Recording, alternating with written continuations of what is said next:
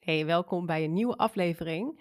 Deze podcastaflevering zal iets anders zijn dan dat je gewend bent. Ik ben namelijk geïnterviewd of ben in gesprek gegaan met Tineke Zwart. Ik zat bij haar in de podcast vorige week. En ehm, Tineke heeft mij eventjes het bestand gemaild van onze opname. En ik vond het eigenlijk wel zo leuk om, eh, om deze ook op mijn eigen podcastshow te zetten. Dus wat je zo meteen gaat horen is een, eh, is een podcastaflevering van de van de podcast show, zullen maar zeggen, van Tineke Zwart. En in dit gesprek hebben we het voornamelijk over hoe ik mijn eigen waarde heb kunnen loskoppelen van mijn omzet. En ja, eigenlijk van heel veel andere praktische zaken. Maar Tineke gaat zo meteen zelf ook nog een introductie doen. Dus daar wordt ook nog helemaal duidelijk waar het over gaat. Ehm, en het is gewoon een. Ja, ik ben echt heel erg trots op deze aflevering. Omdat ja, opnieuw weer duidelijk wordt welke reis ik zelf ben doorgegaan de afgelopen anderhalf jaar voornamelijk. Ik vertel ook wat dingen over, ehm, nou ja, waar ik mee heb gezeten toen ik uh, de keuze kon uh, maken om het echt anders te gaan doen, op, op een andere manier naar mijn mind te gaan kijken, naar beslissingen in mijn bedrijf, maar ook helemaal in mijn eigen leven, van wat, wat wil ik nou precies. En voordat je verder luistert, wil ik je nog heel eventjes attenderen op het feit dat aanstaande vrijdag mijn training Doorzie je verhaal en wordt onoverwinnelijk plaatsvindt in Wageningen. Van half twee tot half vijf. Wees welkom. Uh, het wordt een hele leuke training. Ik ben er namelijk van overtuigd dat je nooit een zware mentale storm zou moeten trotseren om te kunnen genieten, om mentale ruis te kunnen laten plaatsmaken voor interne rust. Dat is ook absoluut mijn grootste inzicht van de afgelopen anderhalf jaar. Dus mocht je je herkennen in het feit dat je wel eens wat overanalyseert, dat je daar mm, jezelf in kunt klemdenken, wellicht ook omdat jij andere mensen op dit thema helpt en het dan ja, des te moeilijker ook is omdat je je bewust bent van de theorie. Wees welkom, want uh, ja, het gaat gewoon een supermooie training worden. Als je je wil aanmelden, kun je in mijn uh, DM uh, op Instagram even een berichtje sturen. Dat is denk ik even het makkelijkst voor nu. Dat kan tot aanstaande woensdag uh, drie uur. En aanstaande woensdag drie uur, dan hebben we het over de woensdag de 7e van december 2022. Dus um, nogmaals, reserveer je plekje als je dit graag zou willen. Mij lijkt het in elk geval super tof om je daarbij te hebben. En dan wens ik je voor nu in elk geval heel veel luisterplezier uh, met, de, met de aflevering die nu gaat komen. Hey, welkom terug bij de Succesvol Ondernemen podcast. Superleuk dat je weer luistert. Ik heb vandaag weer een gast. Dit keer niet in mijn uh, Zoom-ruimte zoals ik het meestal doe, maar nu zit Tamara Stroop, vriendin en uh, mede ja, ik wil zeggen business coach, maar eigenlijk is die titel niet meer helemaal passend. Dus vriendin en coach, laat ik het zo noemen, die zit hier bij mij aan tafel in Almere. Tristan heeft net een hele podcaststudio hier zo uh, uh, gebouwd. En ja, we gaan met elkaar in gesprek over verschillende onderwerpen. Over nou, een van de dingen waar we het over hebben gehad, en dit kwam gisteren ook tijdens de live dag van mijn Business Boost Academy heel erg aan bod, is wat heel veel ondernemers doen, is dat ze hun geluk en hun eigen waarde koppelen aan hun omzet. En een van de dingen waarin ik Tamara mega inspirerend vind, is dat ze dat ja, volledig heeft kunnen doorbreken. En we gaan het ook hebben over belemmerende overtuigingen, het verhaal wat daar weer onder zit en eigenlijk alles wat gewoon aan bod komt. Want we beginnen gewoon meestal met praten en dan eindigen we op allerlei plekken waarvan we het van tevoren niet hadden kunnen bedenken. Tamara, welkom. Dankjewel. Ja, wat leuk dat je er bent. hey, wij kennen elkaar nu ook. Dat is ook nog wel interessant om te weten trouwens. Tamara is drie jaar geleden bij mij in een uh, coachprogramma gestapt. Dat was toen nog de Sales Funnel en Strategie School. Dat is inmiddels de Business Boost Academy geworden. En nou, daarna hebben we ook een tijdje niet echt contact uh, meer gehad. En op een gegeven moment groeiden we weer naar elkaar toe. Is daar ook een mooie vriendschap uit ontstaan. Dat gebeurt ook soms gewoon met uh, klanten of oud-klanten. Stond ik eerst nooit zo voor open, eerlijk gezegd. Dat wilde ik altijd een beetje gescheiden houden. Maar nou, de laatste tijd is dat een beetje veranderd ook. hey, hoe zou jij jezelf voorstellen? Ja, goede vraag. Um, Nou ja, tweeledig denk ik op dit moment. Dus ehm, ik zeg wel eens van, goh, ben ik uh, bachatera of ben ik coach? Mm. En wat is bachatera? Want niet iedereen weet dat. Bachatera is het Spaanse woord voor bachata-danseres. En dat is sinds ruim een jaar nu, nou, ik denk toch wel een van mijn grootste passies. Uh, waar ik heel veel levensenergie vandaan haal. En ja, het is gewoon echt mijn grootste hobby. En dat combineer ik ook heel veel met het reizen naar het buitenland... Um, festivals bezoeken, congressen, ook in het binnenland trouwens. Dus waar het maar kan, probeer ik uh, gewoon uh, heel veel uh, te dansen. Ondertussen doet koffiezetapparaat altijd. In elke podcast hoor je of Zoe of dat fucking koffiezetapparaat. Echt. Maar ga verder. Ja. De luisteraar hoort het niet heel erg. En um, dus dat is, dat is iets waar, ja, waar ik gewoon heel veel plezier uit haal. En ja, dat vind ik gewoon super leuk om te doen. En daarnaast ben ik coach. Ik coach uh, ondernemers. Dus ja, business coach past inderdaad niet meer 100%. En sinds ik dat label een beetje heb losgelaten, ja, mag ik van mezelf eigenlijk veel meer dingen nog laten zien. Uh, veel meer um, ja, koppelen aan wat doe ik nou in het leven en hoe zie ik dat terug in mijn ondernemerschap? Hoe breng ik dat meer ook mee naar mijn klanten toe? Dus daar zit eigenlijk een uh, kleine verschuiving in. En um, ja, ik help eigenlijk mensen vooral om eigenlijk van mentale ruis naar mentale vrijheid te gaan, zodat men hun eigen geluk creëert. Dat is waar voor mij heel erg uh, ja, het om draait eigenlijk. Want we zeggen allemaal dat we heel erg op zoek zijn naar vrijheid. Soms is dat iets te abstract. Hè? Dan uh, zit het hem vaak in dingen behalen en dan pas kan je een bepaalde vrijheid uh, realiseren voor jezelf. Terwijl ik denk dat heel veel mensen al vrijheid kunnen ervaren zodra die mentale ruis plaats maakt voor innerlijke rust. Helemaal mee eens. En ik kan me nog herinneren toen jij bij mij in de coaching zat. Toen uh, er waren twee dingen die even bij me boven komen. Eén is, toen was het heel strategisch nog. Dat ging veel meer over sales. Dat was ook veel meer toen jouw invalshoek. Uh, gewoon echt koude sales doen. Je had ook best wel weinig volgers, maar echt gewoon een goede omzet ook gezien het volgersaantal. En we hebben het toen heel vaak gehad over niet alleen Tamara, maar ook over Harry. Hmm. Harry was bij jou dan de negatieve stem in je hoofd. En die was ook best wel stevig aanwezig hè, destijds. En dat maakt dus dat ik het des te knapper vind hoe jij die transitie hebt weten te maken van, nou ja, echt best wel gewoon negatieve stem in je hoofd naar, ja, hoe je nu bent. Je hebt zoveel mentale vrijheid. Ik vind dat echt bizar. Kun je eens vertellen over ja, jouw proces daarin? Dus je had eerst Harry, dat was een beetje de negatieve stem. Wat zei die allemaal? En ja, waar sta je nu, zeg maar? Ja, dat is wel echt grappig. Zo grappig dat je Harry hebt onthouden. Ik, ik heb Harry zelf niet meer zo in mijn hoofd. Ik gebruik dat woord niet meer of die naam niet meer. Maar elke keer als jij het zegt, denk ik, oh ja, die goede oude tijd. Um, maar het is nog, die, die stemmen zijn er nog steeds wel. Dus we hebben allemaal een kritische stem in ons hoofd. En toen ik uh, drie jaar geleden um, deze, dit, om, deze onderneming startte, want ik stapte toen ook direct bij jou in. Ik had eerder een andere onderneming en uh, ik maakte toen de transitie van zeg maar weer een webdesign, marketingbureau naar business coach met, uh, met een focus op sales. En inderdaad heel strategisch. En ja, ik vond het gewoon allemaal heel spannend. En ik wilde zo graag erbij horen bij bij de, bij de gelukte, om maar zo te mm, zeggen.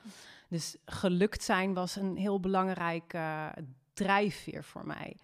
Alleen wat ik op dat moment nog niet zo goed wist, is dat ik al gelukt was. En dat daar geen voorwaarden aan hoe, ja, zouden hoeven te zijn.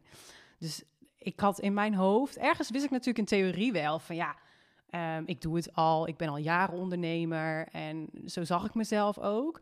Maar tegelijkertijd had ik ook heel veel voorwaarden van ja, maar eerst nog dit en dan uh, mag ik ervan genieten. Of dan ben ik succesvol. En wat waren bijvoorbeeld bij jou die voorwaarden? Want wat ik dan heel vaak hoor is dan moet ik een bepaalde winst of omzet. Zat het bij jou daar ook in? Of een x aantal volgers of iets dergelijks? Volgers niet zo. Daar uh, heb ik me eigenlijk nooit heel erg om bekommerd. Maar dat kwam ook omdat ik inderdaad met een heel weinig aantal volgers, ongeveer 350, had ik mijn eerste groep al vol. Dus ik had heel snel al bewijs van, oké, heel veel volgers heb je niet per se nodig. Dus die voorwaarden kon ik al vrij snel laten varen.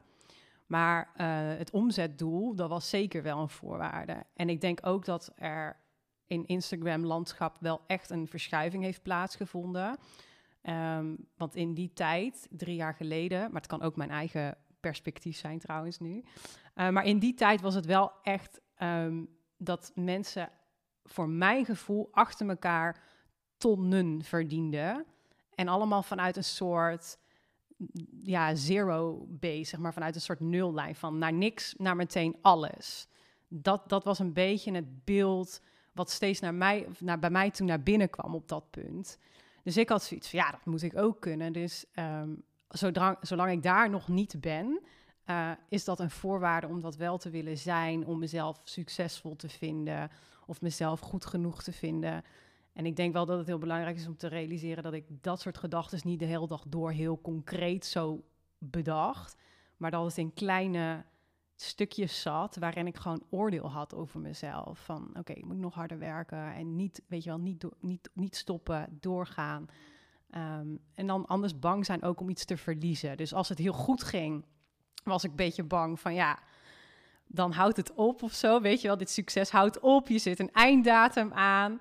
En als het niet goed ging, dacht ik, oh, wanneer komt het terug? Waar is mijn flow? Waar is mijn inspiratie? Oh, en dan is het eigenlijk nooit goed. ik herken dat. Ja. Ik heb dus in het begin heel vaak gehad dat ik was een beetje naïef of zo. Ik kwam ook vanuit het buitenland, dus ik zat nog niet echt in die bubbel van Nederland met al oh, tonnen omzetten en weet ik het wat. Ik was gewoon echt een beetje naïef aan het spelen of zo. Weinig, nou ja, toen redelijk weinig belemmerende overtuigingen. Ik krijg het juist de laatste tijd meer, nu dat ik veel succesvoller zeg maar ben. En ik had laatst ook, dan, dan uh, was ik met die live dag bezig. Die had ik toen besloten om zomaar spontaan te doen. En de hele tijd was er een stem, je gaat het niet uitverkopen. Er gaan niet meer mensen zijn, het is klaar, het is afgerond. En daarom is het ook zo belangrijk om aan dat mindset stukje te werken. Want je denkt nu waarschijnlijk, als luisteraar misschien als ik eenmaal die omzet heb, dan ben ik gelukkig of dan kan ik geld uitgeven vanuit vertrouwen. Maar dan komen er vaak weer verhalen als wat ik nu wel eens heb met mijn geld is ik heb nu veel geld. Maar ja, wat als ik straks, uh, weet ik veel, al, al mijn ledematen breek of zo en ik kan niks meer. Ja, ik moet sparen, want straks is het op, weet je wel. Ja. Dan komen nog weer die verhalen. Ja, ja. En ik denk dat het ook juist op het moment dat je, mm, weet je wat, uh, iets niet zou uitverkopen of iets gaat niet volgens de verwachting of die hoop. En je realiseert je dat je jezelf daardoor heen kan loodsen en je het kunt dragen. En weet van, nou, maar ik ben er gewoon voor mij, omdat je eigenlijk jezelf hebt losgekoppeld aan die uitkomst.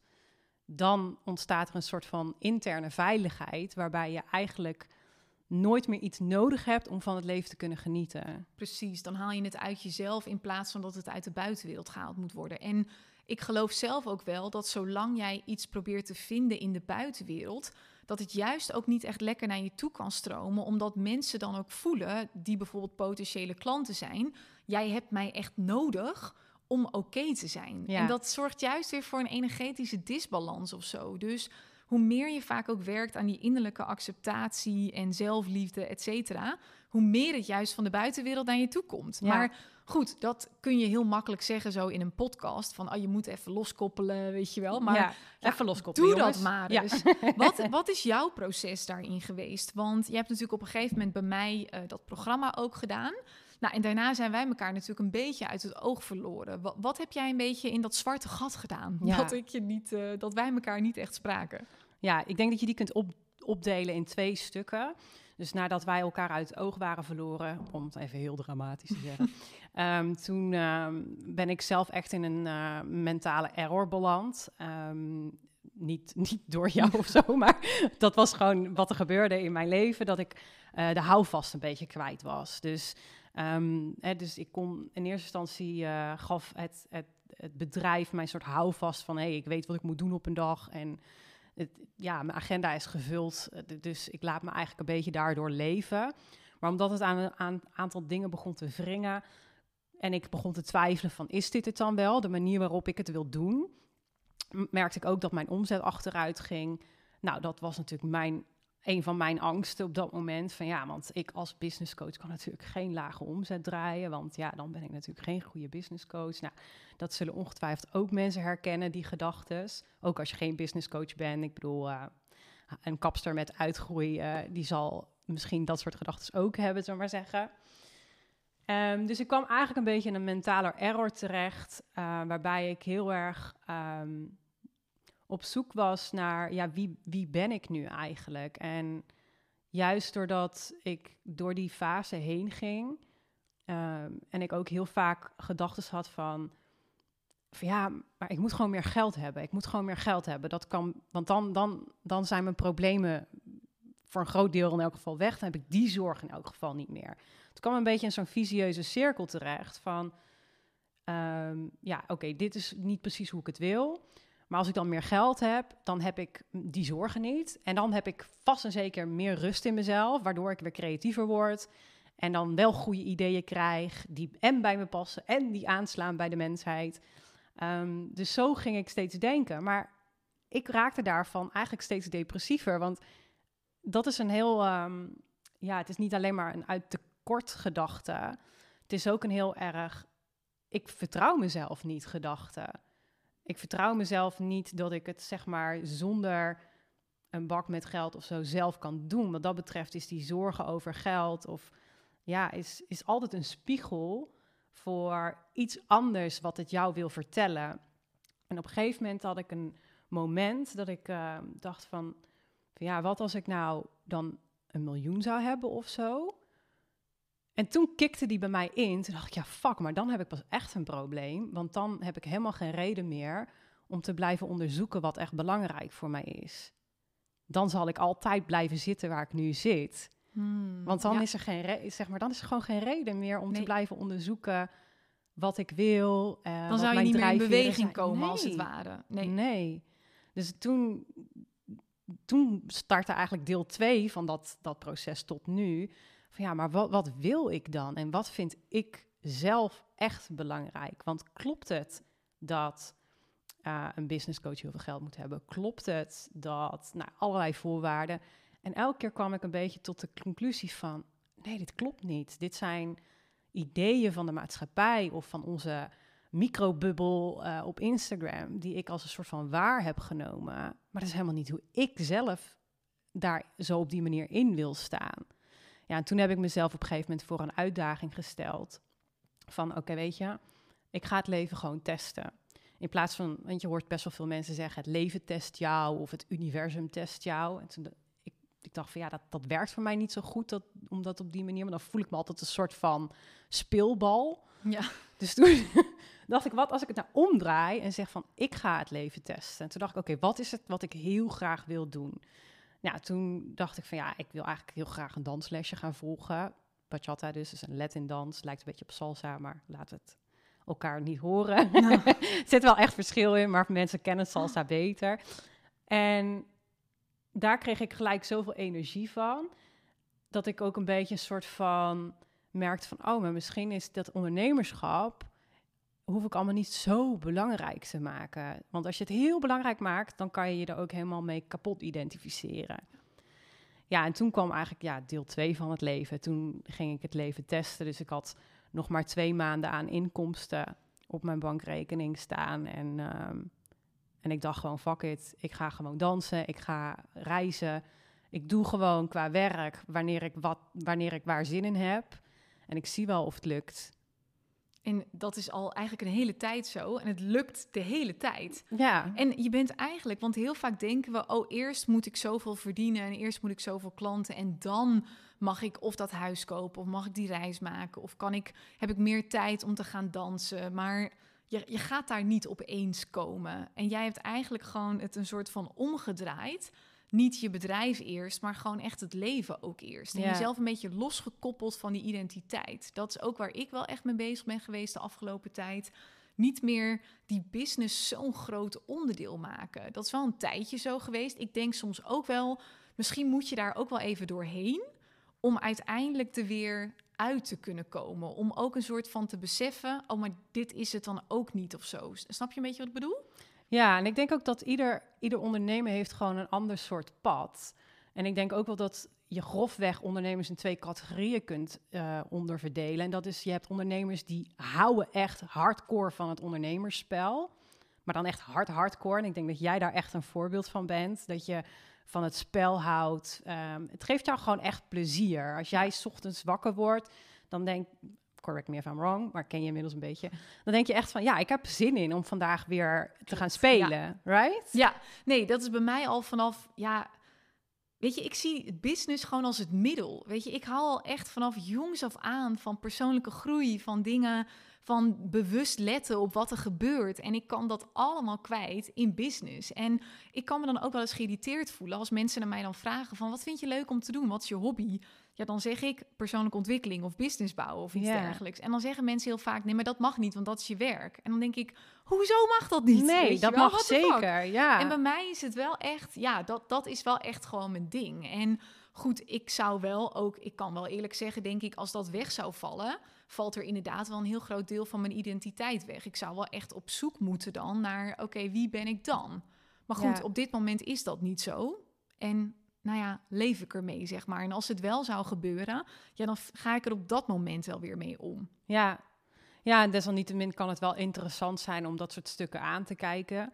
Eh, Zeker. Dat denk Ja. ik wel, want ik, je kunt ook altijd een soort van vervullingsplafond bereiken. Ja. Ook als je in die categorie valt van, oké, je bent als ondernemer, hardcore ondernemer, je vindt dat gewoon, het is gewoon je hobby.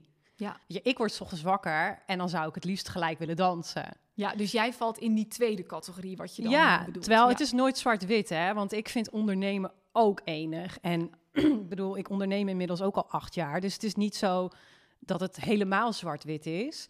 Maar er zit wel een kleine onderscheid in. Klopt, Dat ja. ik onderneem A, omdat ik het superleuk vind. Maar B, omdat ik ook absoluut wil dat het me voorziet in de rest van mijn leven.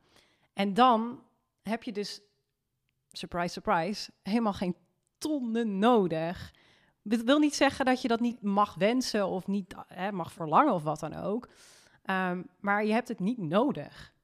Klopt, dat is ook echt. Ik denk het is wel goed om te weten voor jezelf in welke categorie val je nou eigenlijk. Ja, En ik denk heel vaak ook dat we misschien denken dat we in de categorie eh, eh, zitten van, oh, ik wil echt een miljoenenbedrijf. Terwijl als ik mensen dan vertel van wat daarbij komt kijken, ik heb dan zelf dat miljoenenbedrijf gehad met mijn e- inmiddels ex en dit tonnenbedrijf.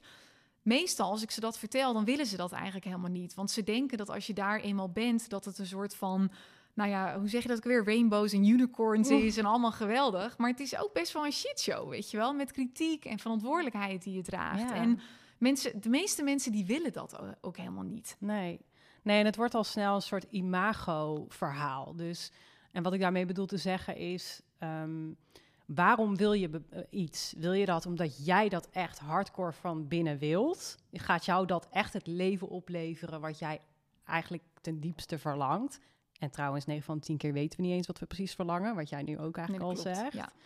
Dus dat moet je eigenlijk ook al in beweging een beetje onderzoeken, zonder daar al te veel voorwaarden aan te stellen. Ehm, maar wat er gewoon vaak gebeurt, dat is wat ik bij mezelf zag, maar ook gewoon heel veel bij andere ondernemers zie, is ze willen een bepaald succes bereiken, zodat de ander, ja, zodat anderen kunnen zien van, oh, je bent geslaagd, je doet het goed. Dus je gaat dan vanuit, wat zullen anderen mogelijk van mij denken? En daarop, daar op basis daarvan ga je je beslissingen maken. Nou ja, dan is ongelukkigheid gegarandeerd. Of je nou geen succes daarmee behaalt, dus even gewoon hardcore financieel succes. Of dat je daar wel succes mee behaalt, want dan moet je dat vasthouden. Terwijl het niet in lijn is met wie je eigenlijk bent. Dus dat, dat gaat je op een gegeven moment ook een keer opbreken. Ja. Klopt. En ik denk dat de meeste mensen zullen waarschijnlijk ook op dat punt moeten komen om te beseffen dat ze dus blijkbaar niet die ondernemer eigenlijk zijn die eh, nou ja, daarvan houdt om op dat niveau te ondernemen.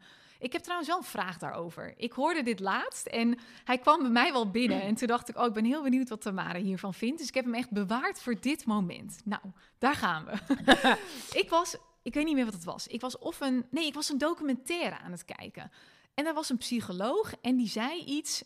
Dit waren niet exact zijn woorden, maar hij zei eigenlijk, even heel plat, de meest fucked up mensen, zeg maar, die zijn vaak in staat om echt een miljoenenbedrijf of een tonnenbedrijf te bouwen. Dus de mensen die het meest verknipt zijn, het was niet heel eh, complimenteus, zeg maar, op die eh, manier, maar die, die doen dat. En toen zat ik daar voor mezelf over na te denken. Toen dacht ik wel, ja, heel veel succesvolle ondernemers die komen wel echt in beweging vanuit een, een groot stuk trauma ook. Omdat er ergens nog gewoon een heel dominant innerlijk kind zit. Die eigenlijk nog steeds van papa en mama wil horen dat ze trots op haar zijn. Maar ja, dat krijgt ze niet meer te horen. Dus blijft ze maar een soort van beuken en gaan en gaan. Ja, Hoe zie jij dat? ja, ja precies zo eigenlijk. ehm, ik zeg ook wel eens van, van de mensen die echt uh, tonnen en miljoenen omzetten, die hebben gewoon ergens zo'n idioot minderwaardigheidscomplex. no offense. Ehm, want daar haal je gewoon extreme drive uit. Uit pijn haal je zoveel drive. Er zit zoveel brandstof om in beweging brandstof, te komen. Ja, en dat wil niet zeggen dat iedereen die, die een tonnenbedrijf heeft of een miljoenenbedrijf heeft, nog steeds soort van uh, met al die pijnstukken loopt. Want ik denk wel dat je je bedrijf ook als een soort spiritueel ontwikkeling um, middel kunt gebruiken. Dus je wordt wel echt geconfronteerd met de stukken waarmee je aan de slag mag gaan. Dus ik denk ook dat je onderweg echt wel dingen kan uh, aankijken en uh, helen, zoals we dat wel eens noemen. Ja.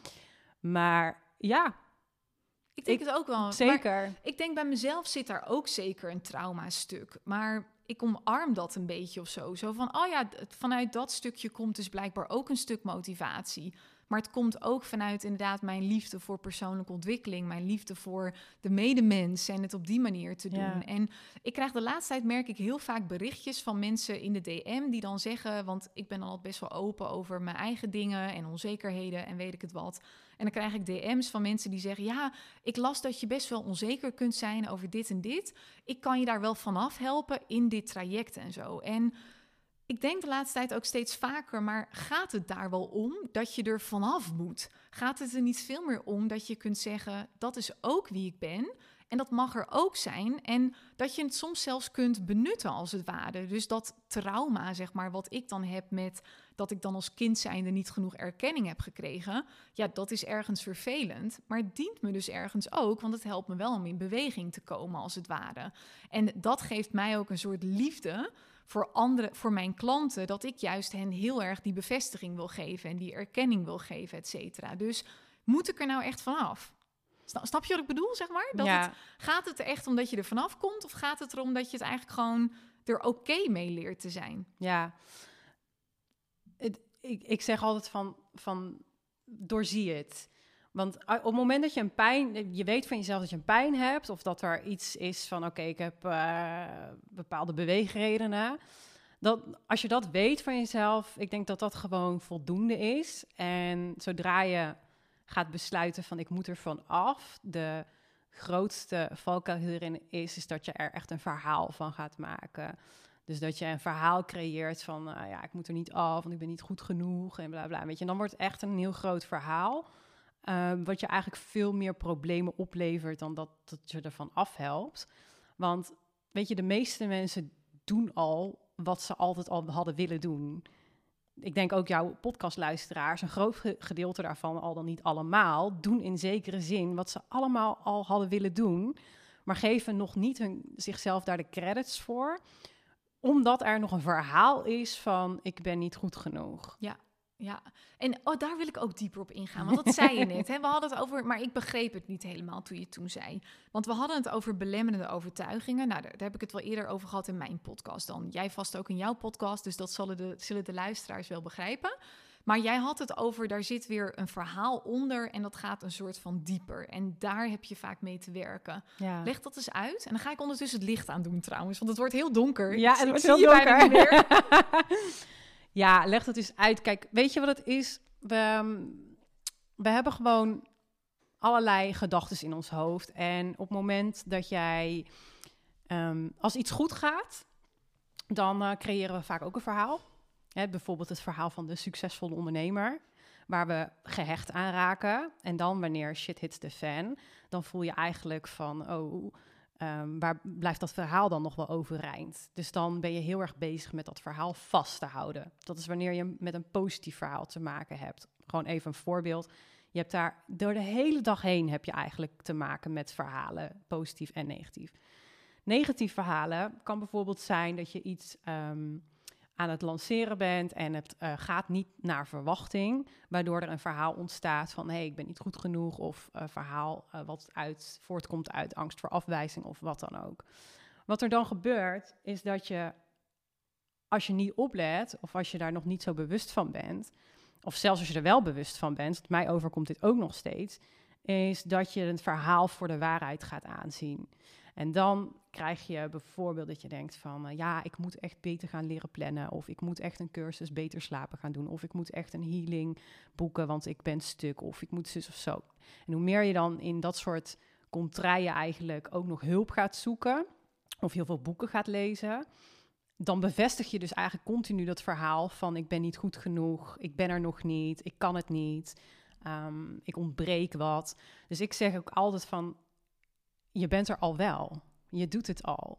En die verhalen zullen er altijd zijn. Dat, die stemmetjes, Harry, die zal er altijd zijn. Maar zolang jij jezelf vanaf een afstandje als het ware kunt observeren en kunt zien wat er gebeurt, van oh hé, hey, wacht, ik heb hier te maken met een verhaal dan doorzie je het als het ware. En dan komt er een soort van stukje rust tussen jou en het verhaal in. Ja. Waardoor je weer terug kan gaan naar van oké, maar wat is nu belangrijk voor mij? Ja.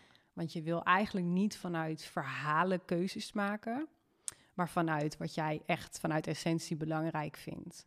Precies. En ik heb voor mezelf ook, als ik dan kijk naar de afgelopen jaren, wat bij mij een soort van de verhalen zijn eigenlijk heftiger geworden omdat ik meer mensen draag, als het ware. Er is meer te verliezen. En dat maakt dat de verhalen, bij mij tenminste dan, zijn ze groter en sterker geworden. Maar wat ook veel groter en sterker is geworden, is mijn vermogen om daar een soort muur of zo tussen te zetten. Dus ik heb continu, echt ook op dit moment, ook gisteren met die live dag, in elke podcast, echt elk moment dat ik eigenlijk aan het praten ben, heb ik verhalen. Ik, maar, maar het voelt alsof ze achter me staan, zeg maar. En alsof ik een soort onderscheid heb kunnen maken tussen al die verhalen hierachter, die nu echt heel druk zijn. Hè? Die zitten nu van, uh, oh, je hebt te vaak uh, bevestigend uh, tijdens de podcast gezegd, ja, mm, mm, klopt, dat is irritant voor de luisteraar, weet je wel. Of gisteren, dat op een gegeven moment maakte ik een grapje, was een beetje een grof grapje.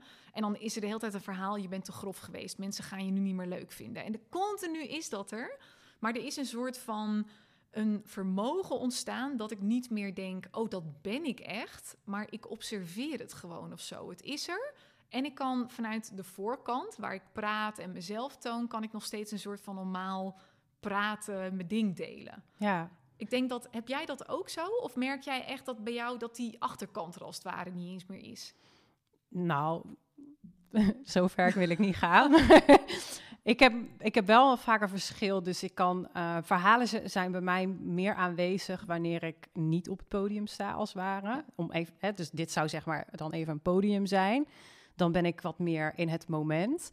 Maar op het moment dat ik bijvoorbeeld zelf in mijn eentje op de bank zit... dan is uh, voor mij een sneller ja, een, een, verleidelijker om verhalen meer de aandacht te geven. Of zijn ze wat luidruchtiger aanwezig. Um, maar ook nu kan ik wel verhalen horen als in van, um, van oh ja, je moet zo weer antwoord geven of zo, weet je wel. Maar daarin ligt eigenlijk altijd een dieper verhaal onder. En dat is van, dat van ben ik wel goed genoeg verhaal. En wat voor mij denk ik wel een groot verschil is geworden, is dat ik heb me echt getraind afgelopen anderhalf jaar om mezelf goed genoeg te vinden, ongeacht het resultaat. Dus ook al zou ik nu iets heel raars of heel, iets heel dom zeggen, ik heb als het ware een soort keuze gemaakt. En die keuze die oefen ik elke dag. Van al doe ik dat, dat staat los van wie ik in essentie ben. Dus ik hoef mezelf niet meer af te keuren als zoiets gebeurt. Waardoor ik veel meer met ontspannenheid um, het leven kan betreden. Maar dan moet ik ook alweer een soort van uh, aantekening op maken. Want ontspannen is ook niet het juiste woord. Want ik voel nu ook wel een lichte spanning, omdat we wel gewoon aan het optreden zijn als het ware. Uh, laatst, uh, vorige week, of twee weken geleden, dus stond ik op een podium. toen moesten we onze missie, bij mijn, bij mijn business coach, huidige business coach, moesten we op podium met piano-begeleiding en werd tegelijkertijd ook nog gefilmd. Moesten we onze missie in de microfoon gaan presenteren. En ik weet gewoon dat ik dat super leuk vind om te doen. Dus ik maak er dan een soort van spelletje van. Van, oh, ik heb zin om dat uh, zo meteen te gaan nelen, als het ware. Tegelijkertijd vind ik het hartstikke spannend. Dus ik sta niet ontspannen op, op het podium. Dat kan ook niet, want je hebt die adrenaline en al die dingen heb je ook een beetje nodig om nou, alert te zijn. Ja, is, het is niet per se slecht. Nee, dus en toen ik van het podium afkwam, toen zei iemand ook van... ja, Jezus, jij bent echt een geboren spreker en ook zo kalm. Maar mijn handen waren zo aan het trillen. Dat was niet normaal. Maar het grote verschil is, ik vind het niet erg. Ik vind het gewoon niet erg dat, het, dat ik tril. Ik vind het niet erg dat ik mezelf... Ja, dat ik denk van, oh ja, misschien horen ze dat wel, dat trillen in mijn stem. Ja, dat zou kunnen. Maar ik vind niet meer erg. Nee, sta mezelf dat toe. Want ik denk, ja, maar hallo, ik sta hier wel op het podium. Dus precies. I'm ja. doing it already. En dat is wat ik mensen heel graag Ja. wil meegeven. Dat is eigenlijk ook wat ik veel meer ben gaan doen en ook mijn klanten meegeven. Van ga niet zo focussen op die resultaatgerichte doelen ook van een omzet of een volgersaantal. Dat is bijna niet te doen. En als je denkt dat je daar het geluk gaat vinden, dan, en, en je hebt het nu nog niet, dan ga je het daar ook niet vinden. Dat, dat, dat vind je in jezelf, niet daarbuiten. Ik zeg altijd, focus veel meer ook op procesmatige doelen. Dus dat jij, dat je op dat podium staat. Dat je hier in die podcast zit, weet je. En wat je dan ook zegt, of wat je dan ook doet, of je trilt of niet... dat is al bewonderenswaardig. Dat Ja. is al oké. Maar dat is voor heel veel mensen gewoon heel moeilijk om te zien. En dat is ook, jij zegt, dit oefen ik dagelijks. Dat is waar de meeste mensen ook geen zin in hebben. Dat dagelijks oefenen. Maar ja, dat is volgens mij wel wat bij jou ervoor heeft gezorgd... dat je er nu zo chill in staat. Ja, klopt. En je moet er gewoon een spelletje van maken. Dat is het gewoon. Ga, weet je wel, ga kijken van wat, ehm, wat, wat vind je leuk om te doen. Dat is één ding. En tegelijkertijd eh, geef jezelf credits voor, voor alle mini-stapjes die je zet. Weet je, ik geef mezelf ook een applaus als ik de vaatwasser heb uitgeruimd. Ja, daar begint het gewoon bij. Weet je, als je dat jezelf al niet kunt gunnen, dan, dan waar, wanneer is het dan genoeg? Ja. Weet je, ga je jezelf dan pas applaus geven als je 10k maanden draait of eh, financieel Ja. vrij bent of Nee, niet, 20.000 want volgers hebt? Op het moment dat je dan op die 10k maanden zit, dan ben je alweer dusdanig ver in je systeem dat je het hebt over 20k maanden. En je, je, je creëert ook altijd een omgeving om je heen om jezelf vaak weer af te wijzen. Hè? Want daar, daaraan ten grondslag ligt dat stukje ik ben niet goed genoeg. Ja, Dus tegen de tijd dat jij op die 10k omzetmaanden zit, ben je alweer mensen gaan volgen die op 20k omzetmaanden zitten. En dat jij weer de slechtste van de klas bent, als het ware. ja, zodat je weer lekker die pijn kan aanboren en eh, Ja. op die manier je fuel weer, eh, weer in kan zetten. Terwijl, is dat wat je echt wil? Nee, ik denk het niet. Maar voor de meesten is het zo moeilijk om daar gewoon uit te komen. Want ik denk dat er best wat mensen zijn die niet luisteren en denken: ja, verdorie, hier zit wel een kern van waarheid in. Maar ja, kom er maar eens uit. Weet je, zoveel Ja. mensen zitten vast in die, in die red race. Wat dat betreft moet ik altijd wel een beetje lachen ook. Want heel veel mensen die worden ondernemer omdat ze uit de red race van 9 tot 5 willen. Ja. En vervolgens komen ze eigenlijk in een nog grotere red race Ja. eh, eh, terecht. De ondernemersbubbel is wat dat betreft echt nog tien keer zo erg als eh, de loondienstbubbel, om maar zo te zeggen, van carrière gedreven zijn. Ja, Ehm, Maar ik hoorde hoe- laatst ook zo mooi dat iemand zei van ja, mensen die gaan ondernemen, dat zijn van die rare mensen die hun baan van 9 tot 5 opgeven om van 5 tot 9 te gaan werken. ja. En dat is vaak ook de realiteit, inderdaad. Maar Ja. jij wilde nog wat zeggen. Ja, want jij hebt de laatste tijd ook wel steeds meer je omzetdoelen en zo losgelaten. Zit, je dan in dat, in, zit jij dan in zo'n proces, kan je dat zo zeggen? Ja, ik merk wel dat op een gegeven moment, nou, ik had dan vorig jaar had ik op een gegeven moment bijna 6 ton omzet dan, 5,75 was het. En ja, toen was ik aan het einde van het jaar, toen ging het gewoon ook niet meer lekker. Toen had ik mijn gezondheidsissues, dat had weer een impact ook op de relatie met Tristan. En kijk, als je op dat punt op een gegeven moment komt, dan ga je beseffen wat er nou echt toe doet, weet je wel. Dan zit je daar met je dikke vette bankrekening en je knallende koppijn. En dat het dan in je relatie ook minder stroomt. Kijk, en dan moet je prioriteiten gaan stellen. En heel veel ondernemers, ja, die, die hebben de prioriteiten en blijven dan toch voor de business bijvoorbeeld gaan. Ik had toen wel echt zoiets van, oké, tot hier en niet verder. En ik heb mezelf heel lang het verhaal verteld van, eh, doordat er heel veel dierbaren zijn overleden, van je moet alles uit het leven halen en je moet vandaag, want elk moment sterven er mensen. Weet je, ik zeg wel eens op dit moment, deze seconde, terwijl wij hier nu zitten of terwijl jij nu luistert, gaan er mensen dood. En dat heeft mij een soort van haast of zo gegeven. Het heeft me ook wel een soort fuck it mentaliteit gegeven, wat ook wel heel goed was. Hè? Dat ik echt dacht, nou weet je, over een paar jaar zijn we toch dood, dus boeiend, weet je wel zo. Maar op een gegeven moment, dat dient je tot een bepaald punt, totdat je niet meer dient. En ik begon op een gegeven moment wel echt te beseffen, oké, dat verhaal dient me ook niet meer. En ja, weet je wat ik zei? Dan heb je dat geld en heb je hoofdpijn en dat soort dingen. En dat, dat wilde ik allemaal niet meer. En toen ben ik op een gegeven moment wel ook echt met nou ja, een psycholoog en zo aan de slag gegaan. Veel meer dat innerlijke werk. En nou ja, toen had ik ook echt die pijn gevoeld van, oh ja, maar hier vind ik het niet, wat het dan ook maar mag zijn. En bij mij gaat het dan altijd wel heel snel, dat ik daarna wel kan denken, ja, wat de fuck ben ik eigenlijk aan het doen? Want ik kan me dan een beetje verliezen in een verhaal, maar ik kan er ook wel weer redelijk snel uitstappen en een soort van uit het verhaal stappen en er naar kijken van buitenaf. En dan heel erg naar het moment teruggaan en weer een ander verhaal bedenken. Dus mijn verhaal is nu veel meer. Ik heb alle tijd. Ik ben 34. Waarschijnlijk worden wij, nou ja, met de technologie en medicatie die er nu is, worden we misschien wel 100. En dan ook echt gezond 100. Ik heb alle tijd. Dus ik, ik verander het verhaal. En ik heb nu, ik weet niet, daardoor is er bij mij ook iets geklikt op de een of andere manier. Dat voelt dan soms alsof het van de een op de andere dag is. Hè? En daardoor denk ik, het, het, het is er allemaal al, het is allemaal oké, ik, ik red het wel. Ik check ook heel vaak niet eens meer wat voor omzet ik heb gehaald afgelopen maand. Terwijl ik voorheen zat ik er altijd bovenop en dan moest het altijd beter, weet je wel. En nu, ik weet niet, het is opeens weg. En dat is natuurlijk niet opeens gegaan. Maar had jij dat niet ook? Dat je op een gegeven moment een soort van een besefmoment had en dat je dacht, het is weg of zo? En dat het dan opeens voelde? Qua loslaten van omzetdoelen bijvoorbeeld? Ja. Ehm, nou, daar is dus wel echt, daar, daar is wel echt dat hele proces aan vooraf gegaan. Het loslaten van omzetdoelen. Ik zou het eerder geldzorgen Ja. eh, noemen. Terwijl ik maak ook een onderscheid tussen heb je echt geldzorgen of kamp je met een financieel mentale onrust. En ik denk dat de meeste mensen met het laatste dealen. Ja, het probleem is nooit het echte probleem, hè? Nee, want ik ken zoveel mensen die, naar aanleiding van mijn podcast eh, over dat ik zo weinig geld, en weinig is natuurlijk subjectief, maar eh, met twee maanden aan inkomsten dan eh, mijn leven ging leven als het ware.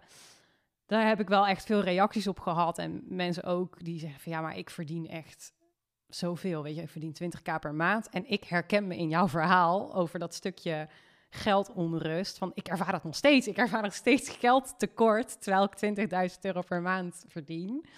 Ehm, dus ja, wat dat betreft ehm, is, ja, ik denk dat, dat dat verschillend is per persoon. Dat je het in één keer het licht kan zien en denkt van ik moet het gewoon loslaten. Ik denk ook dat het wel goed is voor jouw luisteraars om te horen van... Want ik kan me ook voorstellen dat sommige mensen denken... ja, Tineke, dat jij dat zegt, helemaal leuk. Maar jij makkelijk praten, want je, met een paar ton op de bank zou ik ook... da- zou ik ook denken, oh, weet je, vandaag laat ik het los. Laat maar. Ja, en toch is dat niet zo. Want ik ken, maar dat is heel moeilijk om te Ja, bevatten, denk ik. Want ik heb het inderdaad ook echt losgelaten. Terwijl ik heb absoluut geen tonnen op de bank. Nee. Ehm, sterker nog, eh, volgens mij heb ik nu, eh, nou weet ik veel, een paar duizend euro heb ik nu. Ja. Eh, ik weet in elk geval van, oké, weet je, ik heb voor december genoeg geld, ik heb voor januari genoeg geld en vanaf februari, I don't know. En dan kan ik wel denken Ja. van, eh, oh shit, ik heb in februari geen geld. Oh, oh, gaat het, komt het wel goed? En ik weet hoeveel mensen deze gedachten hebben. Ja, Maar door nu anderhalf jaar lang, bijna twee jaar lang zo geleefd te hebben, weet ik gewoon van, ja, heb ik een probleem in het nu? Nee. Nee. En door. En loslaten, ja. En ja, wat ik daaraan toe wilde voegen is... heel veel mensen denken inderdaad op een gegeven moment van... ah ja, maar als ik ton op de rekening heb staan, dan komt het ook wel goed. Maar als het dus inderdaad niet een geldprobleem is... maar het is een, hoe noem je het nou? Een mentale onrust. Fin- eh, financieel-mentale onrust. dat. Dan blijft dat verhaal je achtervolgen. En dan komt hij met steeds nieuwe varianten. Ik Ja. sprak laatst nog een ondernemer die draait miljoenen.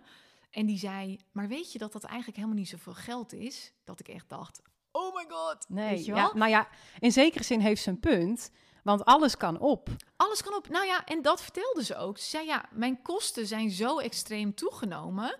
dat het vliegt er bij haar ook weer Ja. uit. En zij had een droom. En dat had mijn ex bijvoorbeeld ook. Die wilde altijd meer miljoenen.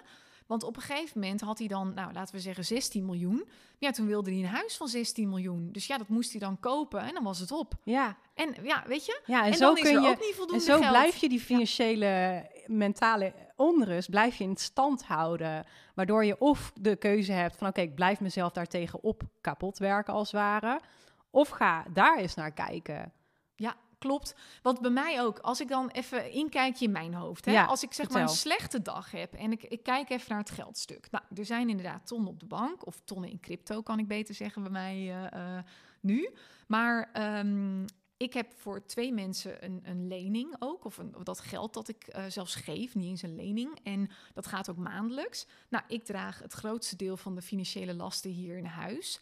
Um, nou, er zijn heel veel andere dingen waar ik kosten en zo aan heb. En ja, ik heb heel vaak het idee, maar ik kan niet omvallen. Want ik betaal voor twee mensen de, de studie en dingen en weet ik het wat. Dat, daar moet maandelijks inkomsten voor komen. En stel, ik val om. Ja, nou ja, ik ben financieel verantwoordelijk grotendeels. Dus dat moet ik blijven doen. En er komen straks, nou, hopelijk kinderen. Nou, daar moet ik ook geld voor verdienen. Ik heb dan ook bijvoorbeeld weer een angst dat ik denk, ik kan al best wel een beetje obsessief zijn met alles wat ik doe.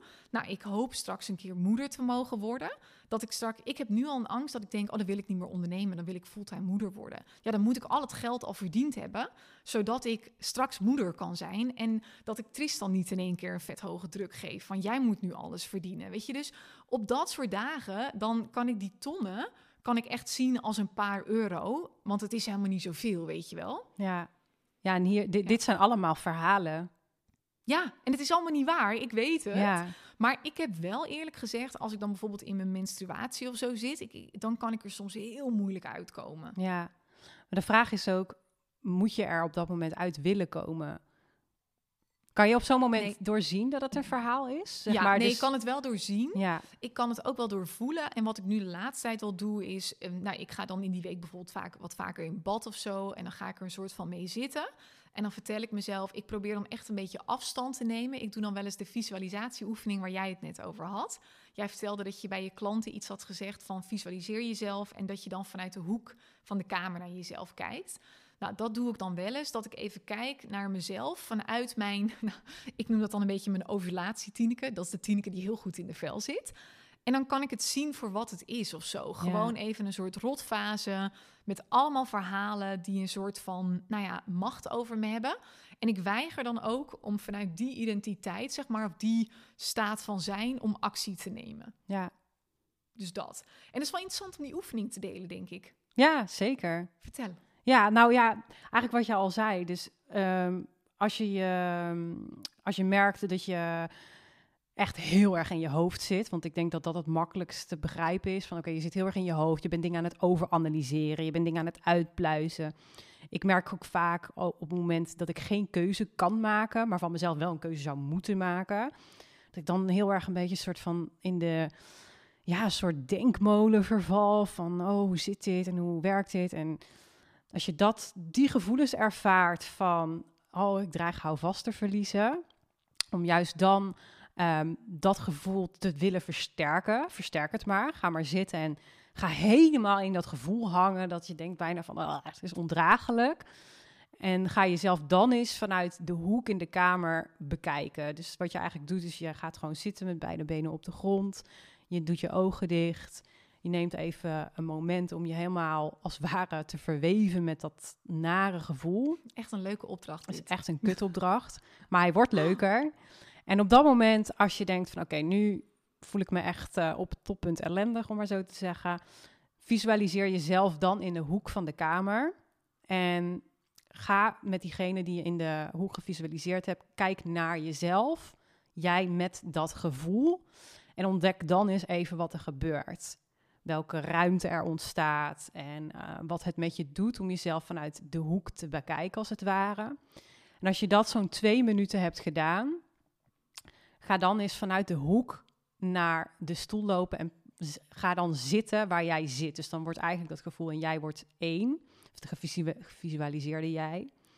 Um, waarbij ik dan je wil uitnodigen om um, als degene die in de hoek gevisualiseerd hebt, om die zeg maar de macht te geven. En dan zul je merken dat gevoel dus super onbetrouwbaar is, omdat degene die in de hoek gevisualiseerd hebt, is een soort van neutraal terrein. Dat is degene die, die geen oordeel heeft, geen schaamte voelt. Dat is de, ja, iedereen heeft daar een ander woord voor. Ik noem het, het is je essentie. Um, een, van mijn klanten noemde het, dat is de variant van mij die 100% liefde ervaart ja. en oneindigheid. Iemand anders noemt het bijvoorbeeld higher self of iemand... Of true self. true self, ja, ja, precies. Nou ja, en je bent het allemaal inderdaad. Dus wat ik voor mezelf ook ben gaan beseffen inderdaad, ik ben, nou ja, ik ben dat onzekere hoopje mens maar dat ben ik niet alleen. En ik ben nog zoveel meer, zeg maar. En ja, ik run mijn business dan uiteindelijk vooral vanuit het zelfverzekerde stukje, het neutrale stukje. En af en toe creëer ik wel heel bewust ruimte voor ook het onzekere stukje. En ik hoef er ook niet per se van af. Ik denk, daar hadden wij laatst ook een gesprek over, toch? Dat we toen hadden over dat ehm, heel veel mensen die blijven ook maar van traject naar traject naar traject hoppen om maar dingen niet te doorvoelen of zo. Terwijl wat jij op een gegeven moment volgens mij ook veel meer bent gaan doen, is gewoon er letterlijk mee zitten en er gewoon maar mee zijn. Om van daaruit op een gegeven moment het ook te kunnen accepteren en niet het een soort van weg te willen drukken of zo. Ja. Was dat wat je zei of niet? Ja, toch? Ja, ja, zeker. Ja, ik wilde op een gegeven moment, kijk, je kunt wel, nou, ik ben op een gegeven moment ook zelfs even helemaal met zelfontwikkeling soort van gestopt. Ehm, ik vind het praktiseren van zelfontwikkeling hè, dat als je het in de goede hoek vindt en het past bij je, lekker doen. Ehm, maar we kunnen gewoon ook heel erg doorslaan in zelfontwikkeling. En dan bevestig je dus continu dat, dat je een probleem hebt. Dus wat ik al zei van, oh, ik slaap niet goed, ik moet een boek over slapen lezen. Of um, ik, ik, ik heb vandaag wel heel veel dingen overdacht. Ik uh, moet een cursus uh, antipiekeren doen of weet ik veel. Terwijl het verzet met wat is, is altijd erger dan wat er daadwerkelijk speelt. En ik denk dat dat echt zo belangrijk is om te realiseren dat als jij jezelf verzet tegen de situatie die gaande is, ook al is die situatie compleet irreëel en speelt die alleen maar af in jouw hoofd, het verzet dat je dat niet wil dat dat er is en je dan dus gaat op zoek gaan naar een oplossing, of dat nou een trajecten is of weer een podcast aanzet of wat dan ook. Daarmee kan je ook heel erg dat verzet voeden waarmee je eigenlijk veel verder van de oplossing vandaan komt. Want eigenlijk is de oplossing super simpel. Ik zeg niet dat het meteen super makkelijk is, maar het is in theorie super simpel. Je hebt altijd een probleem met een gedachte en nooit met wat er werkelijk speelt. Want bedenk maar eens, van, als je die gedachte niet meer zou hebben, zou je dan nog een probleem hebben? Nee, eigenlijk met niks. Nee. Ik vind Tristan kan dat ook echt mega goed. Dit is bij mij wel echt, nou, tot eind vorig jaar is dit echt wel een ding geweest. Dat ik juist heel erg kon afleiden ook de hele tijd. Juist van dat stukje essentie. Tristan kan soms ook echt zeggen van, nou, ik ga heel even gewoon met mijn verdriet zitten. Of weet ik het wat. En dan zegt hij ook, want ik ben dan een beetje in mijn mannelijke energie vaak. Dan kom ik met 91 oplossingen. Weet je, dan wil ik lekker rationeel. Lekker rationeel, lekker oplossen. En dan zegt hij, nee, het hoeft allemaal niet. Ik ga er even mee zitten. En dan gaat hij bijvoorbeeld even wandelen. En dan is hij daarna ook weer oké. Ja. En dan denk ik altijd, hè? Ja. Vet inspirerend. Maar goed, ja, ruimte, aange ruimte aangeven. Ruimte geven. Ja. En daarmee is het eigenlijk ook een soort van doorvoeld. Het is klaar en het is oké weer. Of ja, zo. want je mag alles voelen. Alleen dat denken we vaak dat dat juist niet mag. Van als je angst voelt, hoe ik mag geen angst voelen, want als uh, ondernemer moet je super zelfverzekerd zijn of ik weet het allemaal niet. En daarom noemen we het ook letterlijk negatieve emoties. Ja. Weet je wel? ik denk, je hebt helemaal niet negatief nee. en positief. Het zijn gewoon emoties, weet je wel? Het mag er allemaal zijn. Je mag alles voelen. Je mag zelfs overal een verhaal van maken. Maar probeer het te doorzien. Want daarin geef je dus ruimte. Ruimte aan, oh, als het er mag zijn Oh ja, als het er mag zijn, dan, oh ja, nou ja, dan is er eigenlijk niet echt meer iets aan de hand. Precies. Ja, dat is gewoon dat... daarmee plat slaan, als het ware. Ja. ja. Alright, we zijn al uh, bijna een uur aan het lullen. Dus uh, um, laatste vraag. Ik wil dat je sowieso nog even. Uh, je kunt sowieso iets vertellen nog over jouw live dag ook binnenkort. Maar is er nog iets waarvan jij zegt: Oh, daar hebben we het niet over gehad. En dat wil ik nog meegeven of iets dergelijks? Nou, we hebben best wel veel boxjes aangetikt, hè? Volgens mij ook. Ja. mijn ego is erg blij, mijn hoofd is blij. nou, dat is heel mooi. Nou ja, al, sowieso vond ik het super leuk dat je me uitnodigde natuurlijk. En uh, ja, ik uh, denk dat we heel veel besproken hebben. Dus er staat nu niet iets uh, op mijn hoofd dat ik denk, oh, dit had ik echt nog moeten zeggen. Nee, nee en als mensen vragen hebben, mogen ze natuurlijk altijd eh, die vraag stellen aan me. Dat is uh, altijd welkom. Dit is ook altijd zo typisch trouwens, waar ik aan moet denken. Ik heb, nou, ik denk 9 van de 10 keer heb ik dat als ik dan iemand uh, in mijn podcast heb, dat ik de dag erna bijvoorbeeld een appje krijg van mensen dat ze zeggen oh shit, ik baal dat ik dit niet heb gezegd. Of ja, moeten we nog... Ik had laatst zelfs iemand die zei, ja, kun je toch nog dit toevoegen? En toen moest ik een aparte intro toevoegen en weet ik het wat. Dat is ook weer dat verhaal, verhaal hè? Ja. Continu toch maar kijken naar, hey, waar ben je de mist in gegaan? En dan maar weer eraan willen sleutelen en weet ik het wat. Maar, maar dit had de twee jaar, twee jaar geleden versie van mij ook gehad. Ja. En nu weet ik Ehm, en misschien dat ik morgen of straks wel denk, ach, dat was ook een nice opmerking geweest of zo. Of, oh, dat had scherp geweest als dat. Ja. Maar ik weet van, ja, nee, ik, ik vertrouw gewoon heel erg op het... Dat is misschien nog een, een tip dan. Heel erg vertrouwen op het niet weten. Weet je, A, ik weet niet wat dit doet met de luisteraars. Ik weet ook niet wat het zou hebben gedaan als ik een ja, scherpe, wijze zin of zo wel had verteld. Heel erg vertrouwen op het niet weten en wat daaruit mag ontstaan. Ja, dat is eigenlijk ook een beetje dat je het een beetje gaat openstaan, dat het leven jou cadeautjes mag geven. Precies. En ja, ik geloof ook altijd dat op het einde van een podcast, waarin ik dan of zelf iets heb gedeeld, of ik ben geïnterviewd of zo door iemand, ik kies er ook bewust voor om te geloven dat alles wat ik gezegd heb, dat dat blijkbaar precies ook hetgene is wat een aantal mensen nodig hebben. Niet meer, niet minder, niet Ja. anders. En, en daarin kunnen vertrouwen. En dan blijkt het eigenlijk ook altijd zo te zijn. Maar ik heb best wel vaak, ik heb een tijdje gehad dat ik dacht, nou, ik stop echt met die interviews. Want dan was ik nog aan het editen omdat er dingen bij moesten. Of laatst was er iemand die zei, oh, ik ben toch bang dat ik daarmee mensen beledig. En kun je dat eruit halen? Nou, en toen werd het een heel vaag gesprek eigenlijk een beetje. Eh, dat had ik ook met een aantal mensen. Bij eentje was het niet zo erg, bij de ander werd het echt een beetje vreemd. Dus toen moest ik er overtuigen om het toch weer niet te doen. En toen dacht ik, ah, ik word hier gek van, weet Oké, je wel. nou bij deze, I promise you, ik wil Ja, niks, nee, dat niks mag inderdaad. hebben. Nee, maar het is bijzonder hoe dat verhaal dus dan ook weer Ja, over gaat nemen. Klopt. Hey, en als mensen daar dus aan de slag willen, ik denk dat jouw live dag daarover gaat, hè? Ja, klopt. 9 december, vrijdag 9 december. Ja, 2022, want ik weet, podcasts worden vaak heel lang beluisterd. Ja, dus- heel goeie, 2022. Ehm, ja, organiseer ik een live training in eh, Wageningen of omstreken. Dus is echt op locatie. Eh, van half twee tot half vijf gaan we aan de slag met de training. Doorzie je verhalen en wordt onoverwinnelijk. Want wat dat betreft is dit gewoon echt een superpower. Als je het hebt over ik wil op zoek naar vrijheid. Nou, het mag wel duidelijk zijn uit deze podcast ook dat echte vrijheid vind je wanneer je ja, die onrust in je hoofd kunt laten plaatsmaken voor hey, ik, ik kan dit dragen en ik kan controle loslaten.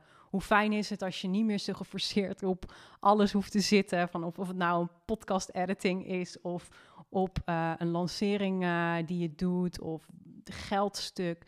Als je daar niet zo geforceerd meer mee bezig hoeft te zijn en je de controle los kunt laten en van jezelf gewoon mag spelen, ehm, ja, weet je, dan, dan ga je echt innerlijke vrijheid creëren. En dat is gewoon een manier waarop jij jouw eigen geluk gaat creëren. Ehm, en ik denk dat dat gewoon echt eh, heel helpend is in je, heel, heel je leven op alle aspecten. Want we kijken niet alleen naar business, ik kijk eigenlijk heel breed nu. Ja, het is ook allemaal verbonden met elkaar. Het is allemaal verbonden met elkaar. Dus ehm, de investering voor de training is eh 97 euro. Ik moet altijd heel goed nadenken, want ik haal vaak cijfers door elkaar heen. Dat ik denk 7,99 97 euro. En eh, ja, als je er meer informatie over wilt, in mijn laatste twee posts op Instagram staat heel veel eh erover. In elk geval krijg je een goed idee van wat het inhoudt. En je mag me natuurlijk altijd een DM sturen om eh, ja, meer informatie op te vragen. En ook even te checken van, hey, is dit nu wat voor mij? Sta ik op het juiste punt? Of, eh, of wat dan ook. Yes, helemaal goed. En eh, volgens mij was er ook niet echt een salespagina. Dus ze moeten volgens mij sowieso via de DM eventjes bevestigen. Ja, Cool. klopt. Wat is je Instagram? Dat is apenstaartje tamara.stroop. Dus stroop van de pannenkoek. Dat is altijd makkelijk te onthouden. Yes, helemaal goed. Ik zet het ook even in de show notes en zo eh, erbij. Ja, super leuk dat je er was, dat je er bent. Want Ja, we gaan even samen eh, Superleuk. eten. Wat gaan we eten eigenlijk? Ja, dat weet ik eigenlijk niet. Ik eh, weet ook even niet of Tristan nou zou koken of dat ik eigenlijk moest koken en dat we nog samen naar de supermarkt moeten. Dus ik, dat is dus ook iets wat ik heb losgelaten. Hè? Voorheen, als dan mensen kwamen, dan moest het dus hier helemaal opgeruimd zijn. Ben die nou ja, ik ben niet ja, normaal. Het is een teringmandy hier. Ja. ja, dat kon ik loslaten en dan moest ik altijd al boodschappen hebben gedaan en nu had ik best wel volle dag zo naar die live dag en ik dacht.